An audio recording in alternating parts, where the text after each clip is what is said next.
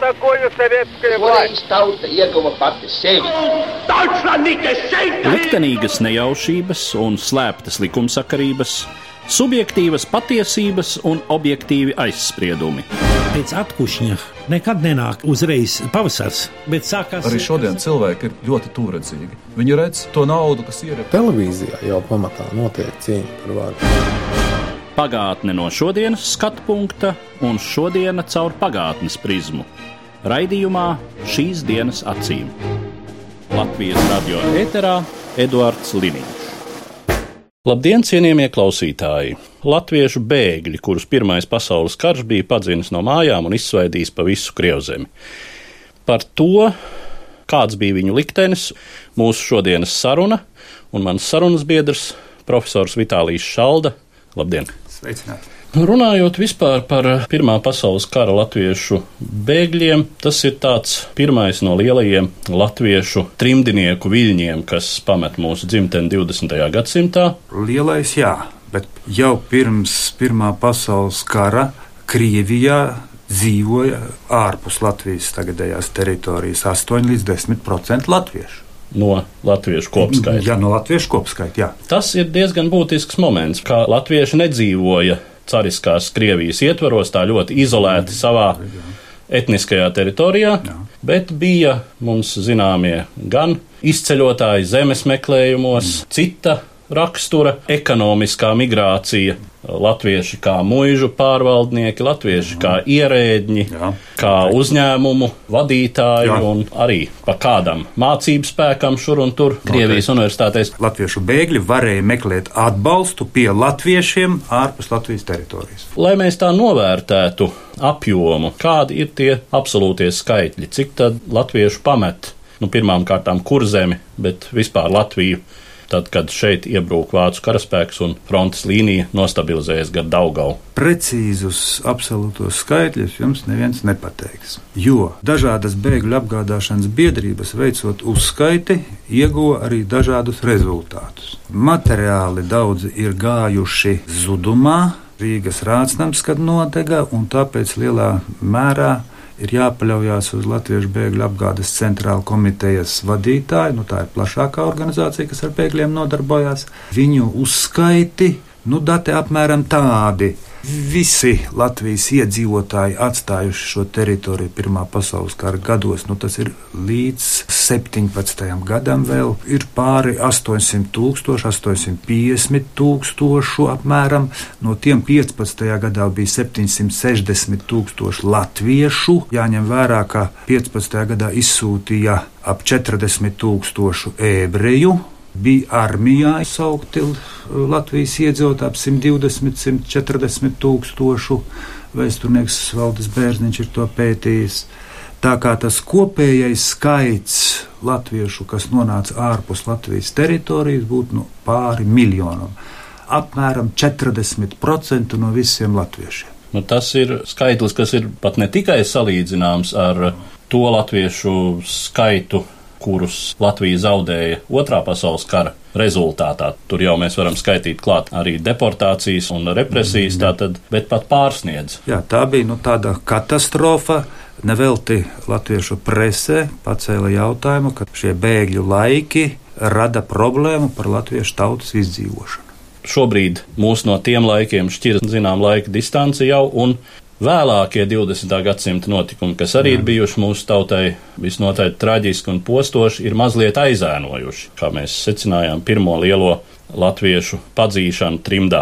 Jā, es lietoju šo apzīmējumu padzīšana. Faktiski būtu svarīgi arī saprast, nu, kāds tad bija šis process, kas noteica to, ka tik daudz cilvēku pamet savu ierasto dzīves vidi un dodas projām. Nu, pirmkārt, tuvojas fronte, apšaudas, artilērija, cilvēki glābi savu dzīvību. Otrkārt, tiešām jūs lietojat šo vārdu padzīšanu, un jūs pareizi viņu lietojat. Krievijas armijas amatpersonas bija norūpējušās par to, lai atbrīvotu frontes līniju no civiliedzīvotājiem, kas traucēja kara darbību. Par viņiem jādomā, jārūpējas, viņi jāglābj. Vārdu sakot, tika dotas pavēles projām, izraidīt viņus. Krievijas varas iestādes bija ieinteresētas, lai vācu rokās nepaliktu šeit darba spēks. Tiesa gan, sākotnēji šīs varas iestādes neko tālāk nebija padomājušas izraidīt, bet šie cilvēki nonāk uz ceļiem, traucē karaspēka pārvietošanos. Tas rada grūtības. Vārdu sakot, pēc pāris mēnešiem aptvēra, ka nemaz tā izraidīšana nav panacēna no visām kara nestajām grūtībām, ka vajadzētu parūpēties pirmkārt par to, lai tiktu atsaukti no kara darbības rajoniem un vēlāk izmantot Krievijas pusē vīrieši, darba spēks, spēka gados, bet par sievietēm un bērniem nu, tas būtu otrā šķiras jautājums. Vēl viena lieta - latviešu prese sākotnēji uzņēma šo dzimtenes atstāšanu kā gandrīz vai no cilvēku pienākumu savas lielās tēvzemes, Krievijas impērijas priekšā. Nāk vācieši, latviešu mūžsanais ienaidnieks, viņiem nedrīkst kalpot, Krievija tik un tā uzvarēs, sākotnēji nedrīkstēja pat apšaubīt šo iespēju, un tāpēc cilvēku pienākums ir atstāt šo teritoriju. Tiesa gan pēc pāris mēnešiem jau šī nostāja sāk mainīties, kad redz tās milzīgās grūtības, ar ko bēgļi sastopas. Tad jau radās lozungs, ka savu sētu bez dibināta iemesla nepametiet. Jā, vīrieši lai dodas projām, bet tie, kas varētu palikt, uzraudzīt šo sētu, tie varētu arī palikt. Bet tas nāca diemžēl ar novēlošanu, šī izpratne.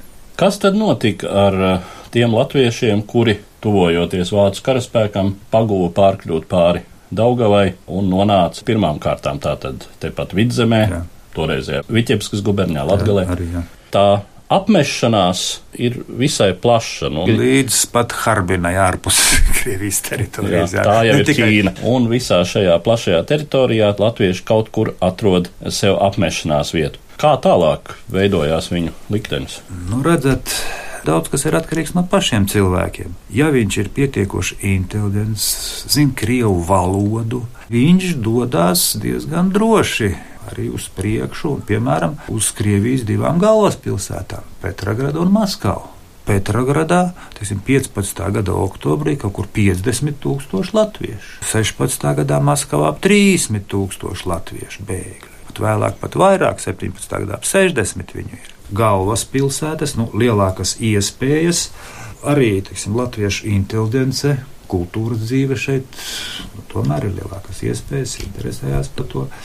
Tad ir jautājums, kur pieskaitīt evakuētos Latvijas rūpnīcu strādniekus. Viņi daļa tika evakuēta kopā ar rūpnīcām, atrod darbu tur, nu, bet nu, it kā viņi arī būtu bēgļi. Daļa rūpnīcai līdzi nedodas, viņus īpašnieks pamet, viņš domā atrast citu darba spēku Krievijā, viņi paši dodas. Tas arī ir jautājums. Rēķinām 250 tūkstošu šādu strādnieku ar ģimenes locekļiem, protams. Citi orientējās uz radiniekiem, draugiem, paziņām, latviešu kolonistiem, Altai, Sibīrijā.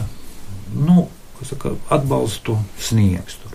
Kam nav šādu iespēju, nav šādu virzienu, kur doties. Viņi parasti apmetās vidzemē. Tomēr atbalsts vietējie cilvēki apkārt vienā valodā, un bēgļu vidū nu, ļoti liels procents bija lūk, sieviešu, vecāka gada gājuma cilvēku, bērnu, ja to vīriešu ir maz. Darba spējīgo ģimeni, apgādāt spējīgo. Tāpēc viņi paliek šeit. Vēl jau ir cerība, ka tos vāciešus drīz no kurzemes padzīs, varēs atgriezties tad labāk vidzemē. Cerība pastāv nu, vismaz līdz 17. gada sākumam, jā, vismaz jā, līdz Ziemassvētku kaujām. Jā, jā, jā, strēlnieki, kā mēs atceramies, ar pilnu pārliecību, iet, ka viņi izsitīs vāciešus no jā, Jelgavas, un jā, tad jau jā. arī kurzem paņems. Pašā atpakaļ. Rīgā ap 60 tūkstoši bēgļu. Strādniekiem atstājot Rīgu, dzīvokļi bija lētāki, kļuvuši, izdevīgāk pat bija, nu, tiesa ar pārtiku. Grūti bija pie frontes rajona. Tā kā cilvēki rēķina, nu, dažādi.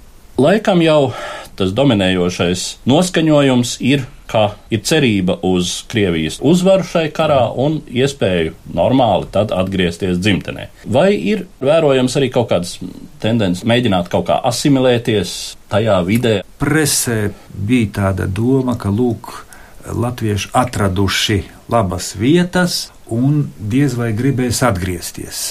Bet pamatnoskaņojums tomēr vairākumam bija atgriezties Latvijā. Kaut, piemēram, Maskavas pilsētas doma bija ļoti noraizējusies, ka bēgļi centīsies palikt. Jo tā ir taču Maskava, pilsēta, liela pilsēta. Maskavas raizes, kas tā ir raksturīgs joprojām. Jā, jā. Tāda, zinām, paralēli. Bet tātad iezīmējot bēgļu plūsmas struktūru sociālā griezumā, Jā.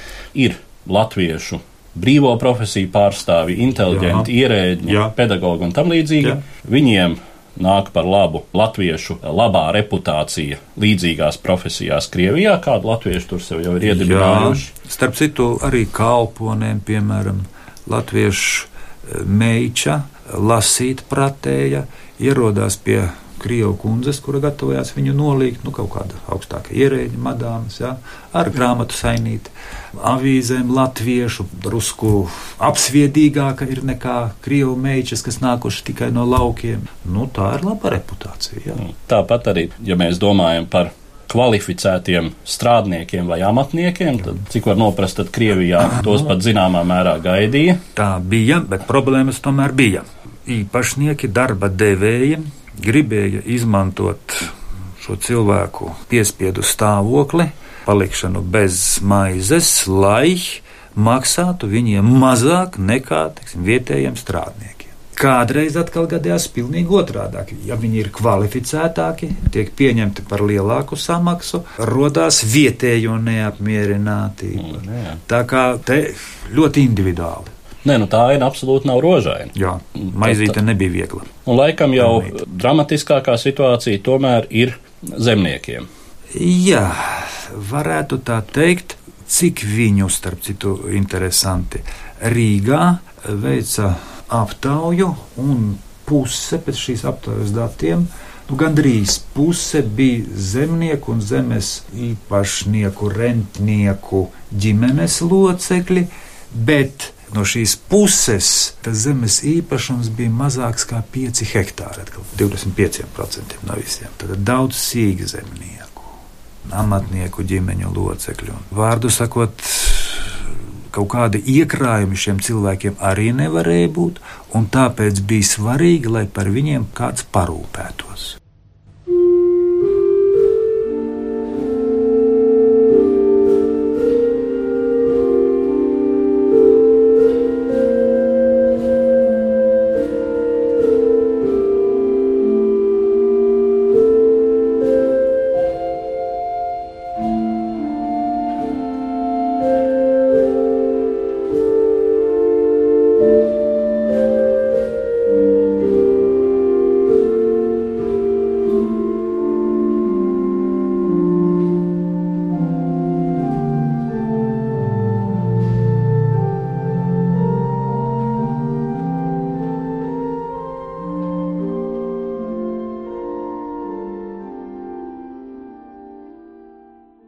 Tas nākamais jautājums, kas tad ar šiem cilvēkiem nodarbojās? Vispārējais priekšstats par Krievijas varas iestāžu, nu, pirmām kārtām tādu organizatorisko kapacitāti, ir tāds, ka tā ir bijusi zemā līmenī un ļoti bieži par tiem bēgļiem bija spiestas rūpēties, kā mēs šodien teiktu, nevalstiskās organizācijas, labdarības organizācijas un tam līdzīgi. Kad Krievijas varas iestādes redz, ka pašplūsmā nedrīkst atstāt šo, tad viņas tomēr sāk kaut ko darīt. Un galvenais - izdala līdzekļus.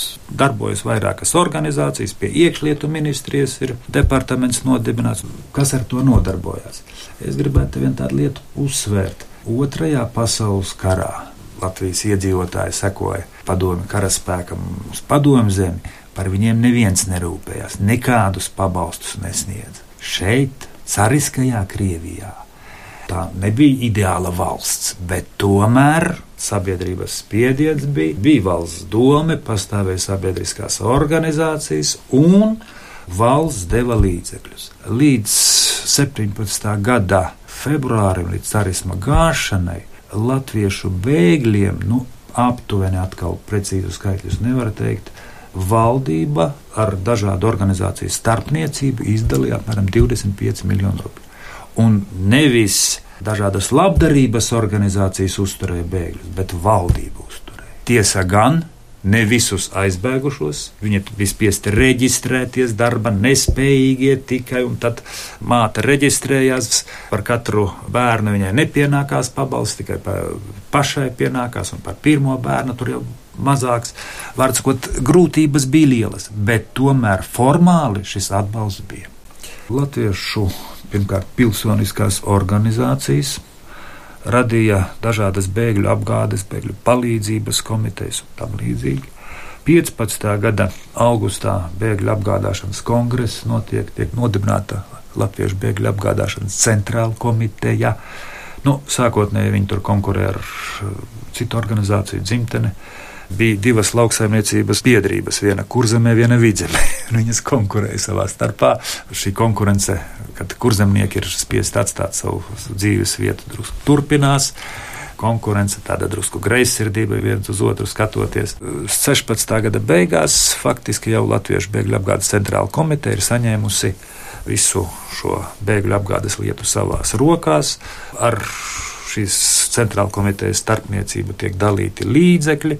Nu, sistēma tur visai sarežģīta. Arī gubernatora rokās bija līdzekļi. Nu. Kad Krievijā sākas um, būtiskās varu maiņas, kad nobrūk visa līdz tam pastāvējusi organizatoriskā struktūra, kas tajā brīdī notiek ar latviešu bēgļu organizācijām un ar visu šo bēgļu apgādes situāciju?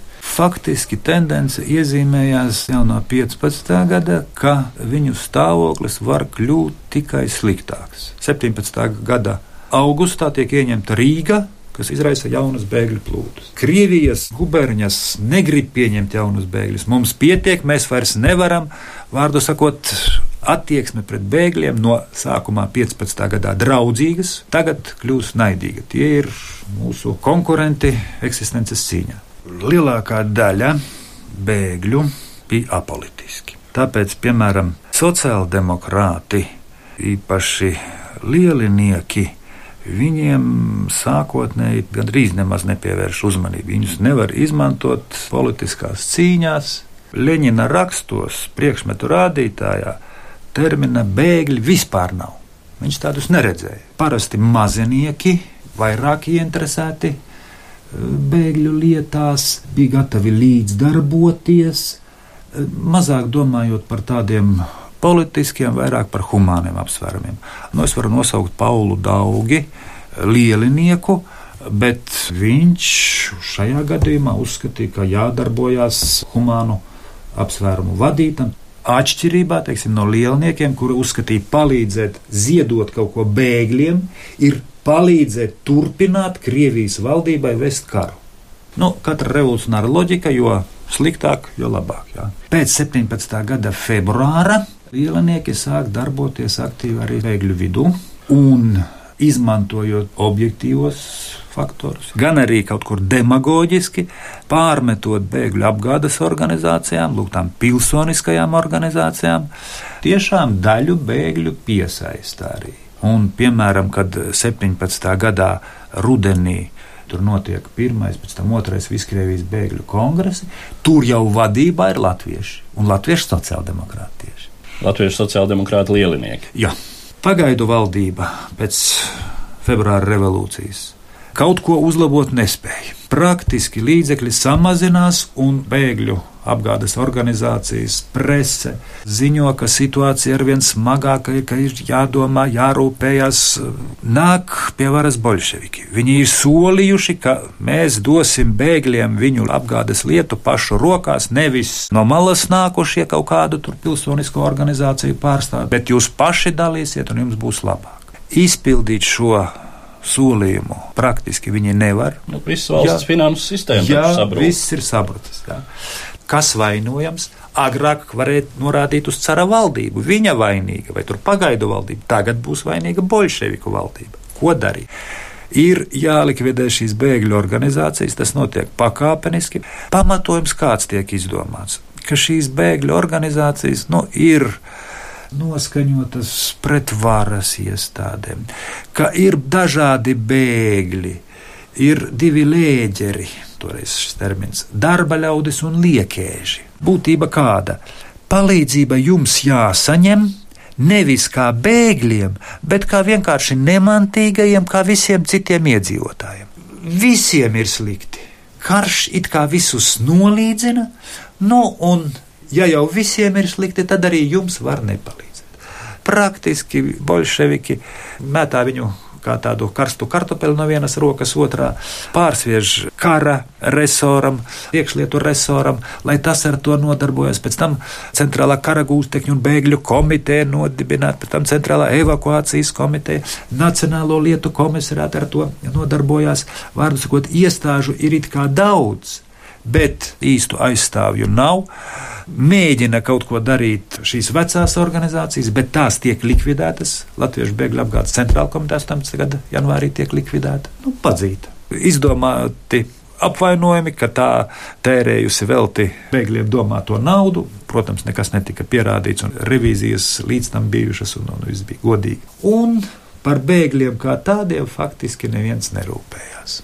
Jā, un nerūpējās jau arī visi citi tie spēki, kas Krievijā cīnījās par varu pilsoņu kara laikā. Jā, balto un sarkano attieksme pret citautiešiem, arī bēgļiem ir vienāda. Krievijas pilsoņi, mēs jūs varam iesaukt armijā, vai nu balto vai sarkanā. Tas bija galvenais. Jā. Jūs tur atsaucaties, ka jums ir sava valsts nodibināta 18. gada beigas. Neatzīstam ne Deņķins, ne, protams, sarkanie to atzina. Latvijas valsts, kas tā tāda? Jā, es tādu nepazīstu. Deņķins.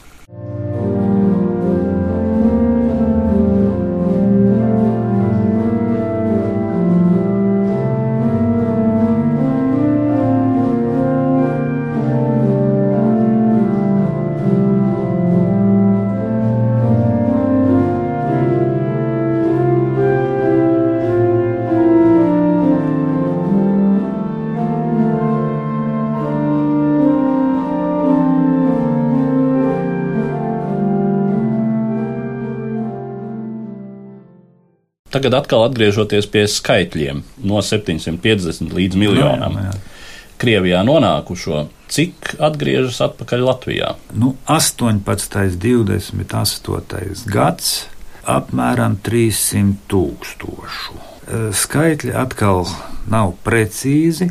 Teiksim, 20. gadus tur jau var precīzus skaitļus dot, kad Latvijas valsts ir nodibināta, kad noslēgts līgums ar Krieviju par bēgļu reevokāciju, par optāciju, tad jau var izsekot.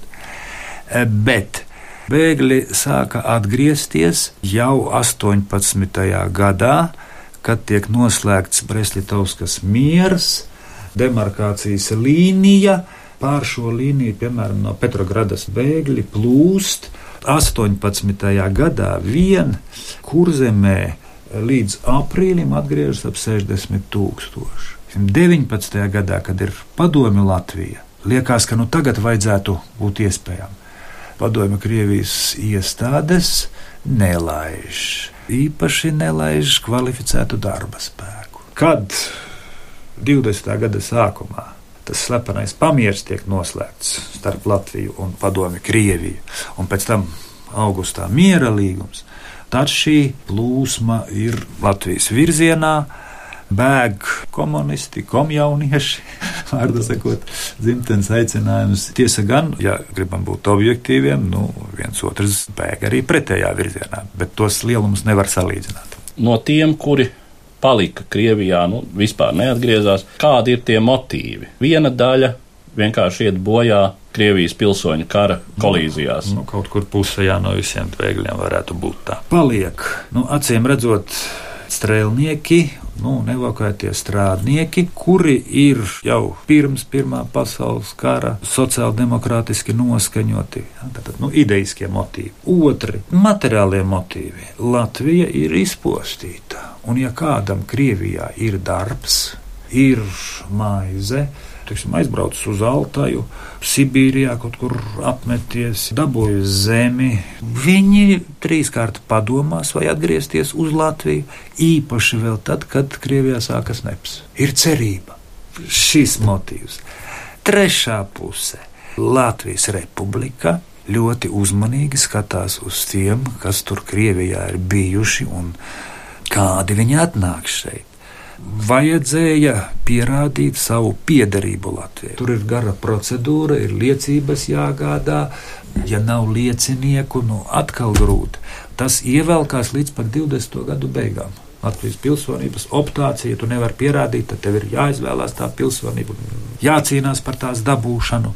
Vēl viena lieta, kas jau minēju par tā Krievijas varas iestāžu nostāju. Dažāda. Bija guberņas, kur to bēgļu bija daudz, vietējo iedzīvotāju noskaņojums naidīgs, tos centās izstumt. Citur, kur ir vajadzīgs darba spēks, kur nav tik spaidīgi tie pārtikas apstākļi, tur viņus cenšas paturēt. Un varas iestādes rada mākslīgus šķēršļus, varbūt pat nebija jārada šie šķēršļi. Transporta sistēma sagrauta Krievijā. Jaunā, tikko veidojamā padomju birokrātija gaužām slikti strādā. Lūk, izrauties tam cauri visam, ja tu dzīvo kaut kur Krievijas vidienē, nonākt līdz Latvijai, tas prasīja lielu spēku.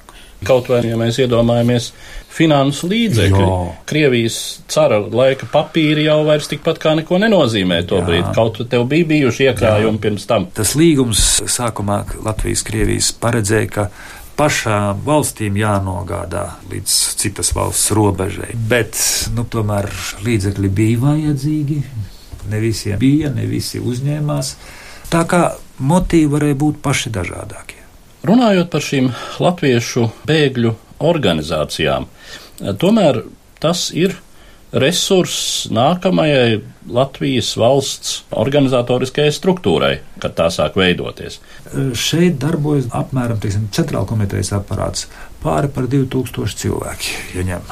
Tā ir inteligence. Tie ir cilvēki, kas nevar tajā laikā īpaši izvērst politisku darbību, bet šī sabiedriskā darbība ir visnotaļ aktīva. Un, teiksim, bēgļu apgādāšanas centrāla komitejas vadītājs Vilis Olavs. Jānis Čakste, viņa vietnieks, vēlāk viņš kļūst par šīs centrāla komitejas vadītāju, Arvets Bergs, Mejerovics, citi tur nodarbojās. Valmierā visai aktīvs ir Kārlis Ulmanis, var pēc viņa vērtējumiem spriest par kurzemnieku, vidzemnieku attiecībām. Interesants moments bija, kad daļa latviešu rakstnieku uzskatīja, ka nu, viņiem nav jāiet bēgļu apgādes organizācijās, viņiem tāpat pienākās kaut kāds materiāls pabalsts, viņi aprakstīs tās bēgļu ciešanas, lūk, tās mākslinieckās vērtības ir svarīgākas nekā tiešā līdzdalība bēgļu aprūpē. Nu, tad Ulmans pret viņiem uzstājās, viņam bija atbalsts arī plašākās aprindās. Tā kā lūk, šajās bēgļu apgādes organizācijās izveidojās cilvēku grupas ar ciešiem sakariem, organizatoriskiem sakariem. Arī es pieļauju politiskie motīvi daudz maz vienādi, vērtējot teiksim, to carisma agoniju, tālāko Krievijas mocības revolūcijas laikā. Lūk, šie cilvēki vēlāk varēja savu pieredzi likt lietā jau jaunās valsts izveidē. Tas varbūt ir tāds nozīmīgākais pozitīvais moments, ko mēs varam atrast, runājot par šo visumā, tomēr traģisko procesu, kāds ir Pirmā pasaules kara latviešu došanās bēgļu gaitās. Var teikt tā, ka bija faktori, kas šo bēgļu katastrofu, kā jūs to sākumā Jā. nodēvējāt, Es domāju, tā var teikt. notušēja. No vienas puses tas bija, protams, vispārējais prieks un pacēlums iegūstot neatkarību, iegūstot savu valsti, līdz ar to visi upuri šķita attaisnojamāki, jēgpilnāki. No otras puses, kā jau minēju, 20. gadsimtā, diemžēl, šī nepaliek pēdējā latviešiem traģiskā un postošā lapuse. Ar to es arī gribētu noslēgt mūsu sarunu, un es saku paldies profesoram Vitālijam Šaldam. Paldies jums! Par pagātni sarunājas Eduards Līniju.